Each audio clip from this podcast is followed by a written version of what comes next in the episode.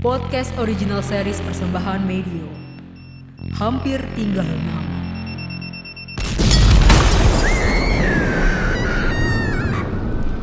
Saat mereka bisa selamat.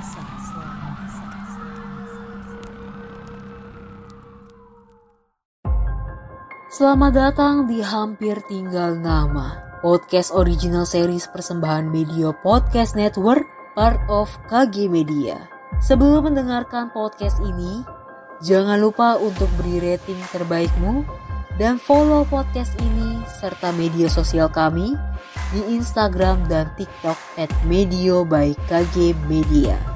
Podcast ini mempersembahkan original series audio yang mengupas kisah di balik tragedi pengeboman Hotel All Star. Siap untuk mendengarkan petualangan ini?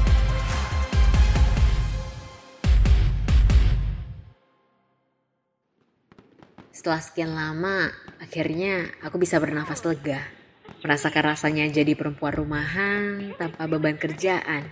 Bahkan, mendapat cuti jelang tahun baru membuatku senang bukan kepalang. Ya, bagaimana mungkin aku tidak senang? Setelah tiga tahun menjadi polisi, aku baru bisa ambil cuti dan liburan kali ini. Beban kerjaan hilang sesaat dan malas-malasan di rumah pun jadi pilihan yang tepat untukku. Ini mah sinetron yang udah tayang ratusan kali. Kadang aku tak paham, kenapa drama yang sudah tayang berulang kali harus ditayangkan lagi? Apa mereka tidak ada pasokan drama baru atau... Astaga, apa itu? Aku sontak menoleh ke arah jendela. Suara ledakan besar terjadi begitu saja, disusul suara kembang api yang melesat ke langit. Aku berdiri untuk mengintip apakah benar itu hanya kembang api. Namun, perasaanku berkata lain. Semua orang pasti bisa membedakan mana ledakan kembang api dan ledakan lainnya. Terlebih, suara tadi sangatlah besar, bahkan aliran listrik pun tiba-tiba padam tanpa sebab membuat lingkungan rumahku jadi gelap gulita. Aduh, please jangan ada apa-apa deh. Aku terus berdoa dalam hati agar tidak terjadi apa-apa. Karena ini tahun baru, pasti semua orang di dunia ingin bersenang-senang kan? Sayangnya, nama atasanku seketika muncul di layar ponsel. Dan ini menandakan ada hal penting yang harus kami selesaikan di awal tahun baru ini. Halo, Vira. Saya minta untuk tunda dulu cuti kamu dan datang ke kantor sekarang ya. Urgent. Siap, Komandan.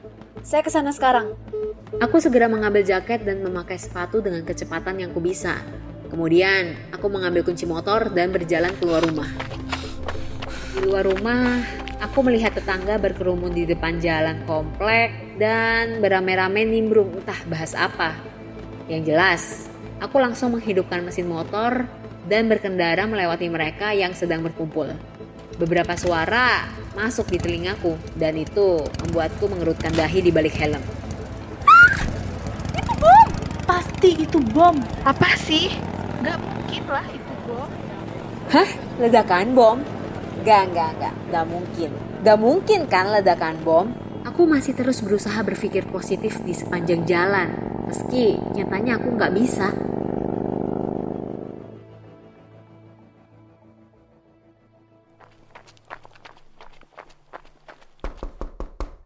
Kulihat sudah ada beberapa rekanku yang kumpul membentuk lingkaran acak.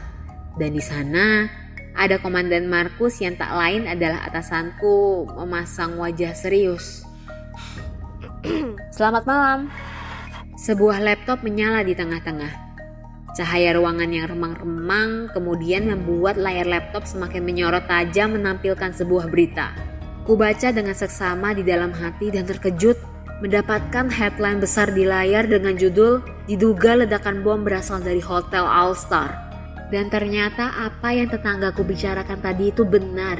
Ledakan bom terjadi di salah satu hotel bintang 6 yang sering dipakai oleh para konglomerat, pejabat, dan politikus. Hotel mewah yang sering diagung-agungkan pemiliknya sebagai hotel terbaik di Indonesia. Saya mendapat laporan bahwa ledakan terjadi sekitar pukul 23.32 di Hotel All Star. Tiga perempat hotel hancur dan saya yakin kemungkinan kecil orang-orang bisa selamat keluar dari sana. Kita akan melakukan investigasi terbuka mengingat politikus dan konglomerat yang jadi korban. Tim kita bagi menjadi tiga seperti yang sudah saya jelaskan dan kita bantu tim SAR serta pemadam kebakaran. Kepala tim ada di Vira ya dan juga Bara. Vira dan Bara ada pertanyaan? Sejauh ini nggak ada dan Siap Dan. Nanti kami akan saling koordinasi. Oke good. Come on guys. Semangat dan jangan sampai ada yang terluka ya. siap laksanakan.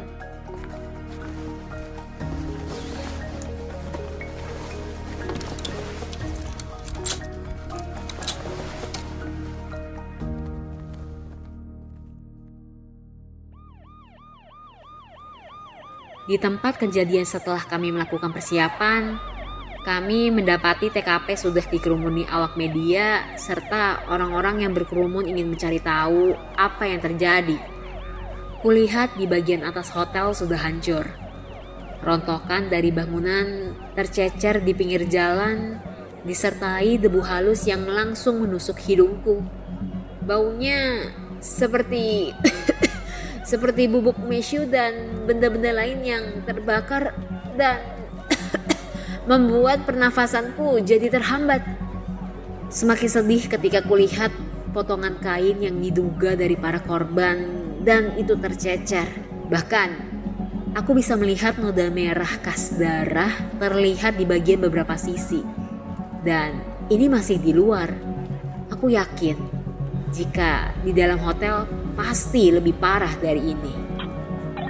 Tanpa peduli orang luar, tim kami segera masuk ke dalam hotel, tempat yang bisa kami jangkau dan langsung memulai investigasi. Sayangnya, tak banyak yang bisa kami lakukan. Hanya beberapa tempat yang sekiranya tidak hancur yang bisa kami lakukan investigasi. Bara dan Vira, kalian ikut saya. Kenakan masker. Siap, Komandan. Untuk yang lain, tolong ambil data tamu hari ini di bagian resepsionis ya. Apa pun datanya, kalian bisa ambil apa aja. Dan jangan lupa cek CCTV sekitar ya.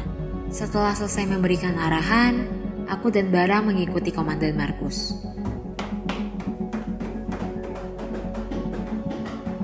Cocktail party diadakan di lantai paling atas dan rooftop. Kita nggak mungkin bisa sampai di lantai tiga. Apalagi di lantai paling atas. Sudah hancur lebur di atas. Nanti kita bisa lihat CCTV untuk memastikan ada atau tidaknya tamu yang selamat. Data di resepsionis sudah kalian ambil? Tadi saya sudah mengarahkan tim dan Untuk memory cardnya CCTV, nanti akan diurus Bayu, Komandan. Oke, good. Aku melihat sekeliling. Mataku menatap nyalang beberapa detik dalam hotel yang sekarang tidak berbentuk bangunan megah sama sekali. Tidak ada hal spesifik kecuali beberapa interior yang megah kemudian berjatuhan. Lalu, guci mahal pun hancur berkeping-keping di bawah. Aku meyakini bahwa ledakan ini pasti sangatlah besar. Kemudian, aku sadar akan sesuatu. Komandan, di lantai dua apa ada tamu yang menginap? Tidak ada. Semua tamu yang hadir di cocktail party ada di executive suite room. Dan itu ada di lantai dua ke bawah setelah rooftop. Acara ini eksklusif dan sangat terbatas. Pengamanan pun sudah terlampau ketat dan tiga hari yang lalu hotel ini tidak menerima tamu untuk menginap. Sudah dikosongkan untuk acara ini. Tamu hanya ada di rooftop dan suite room. Karyawan yang selamat pun hanya ada dua orang tadi. Dugaan saya, ada tamu yang menyelinap masuk tiga hari sebelum acara. Atau bisa jadi ini merupakan bom bunuh diri. Kita bisa mencocokkannya nanti dengan CCTV. Tanganku terulur untuk mendengarkan pesan masuk melalui earbuds. Masuk, Vira masuk. Lapor. Kami dapat laporan bahwa semua tamu dinyatakan meninggal oleh tim SAR.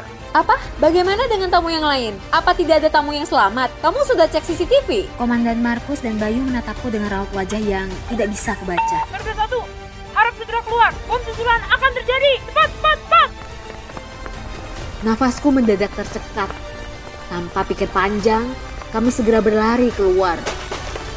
Meskipun lampu senter tiba-tiba mati atau ada benda lain yang jatuh, kami tetap terus berlari keluar dan ketika sampai, nafasku seperti mau habis. Kami langsung melepas masker dan menunduk. Bersyukur kami bisa keluar tanpa luka atau kehilangan nyawa. Flash kamera mendadak menghujani kami. Berbagai macam pertanyaan muncul, disusul dengan spekulasi-spekulasi yang wartawan lontarkan. Pak, pak, pak, pak. Lalu, apakah seluruh tamu di dalam tidak ada yang selamat? Bagaimana Pak suasana di dalam? Boleh tolong ceritakan? Bagaimana perkembangan investigasi? Tolong komentarnya, Pak. Kalian nggak apa-apa? Eh, kami nggak apa-apa. Di dalam nggak memungkinkan banget untuk naik ke atas dan gelap banget. Tadi, kenapa bisa ada bom susulan, Bayu? Bayu menunjukkan laptop, menampilkan beberapa data dan video yang langsung kupahami. Untuk bom susulan, kami menduga itu bom kecil yang tersisa di dalam dan kami juga sudah mendapat tersangka yang kami duga terlibat di kasus pengeboman ini. Kita bahas di base camp saja. Bawa resepsionis yang selamat ke kantor dan wawancarai mereka dulu. Siap, Komandan.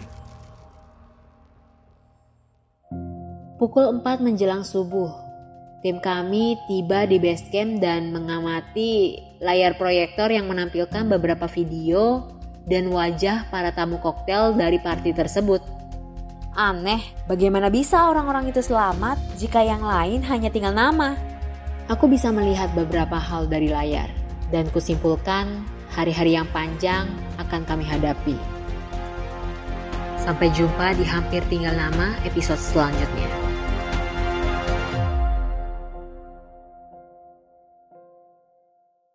Podcast original series persembahan Medio. Hampir tinggal nama.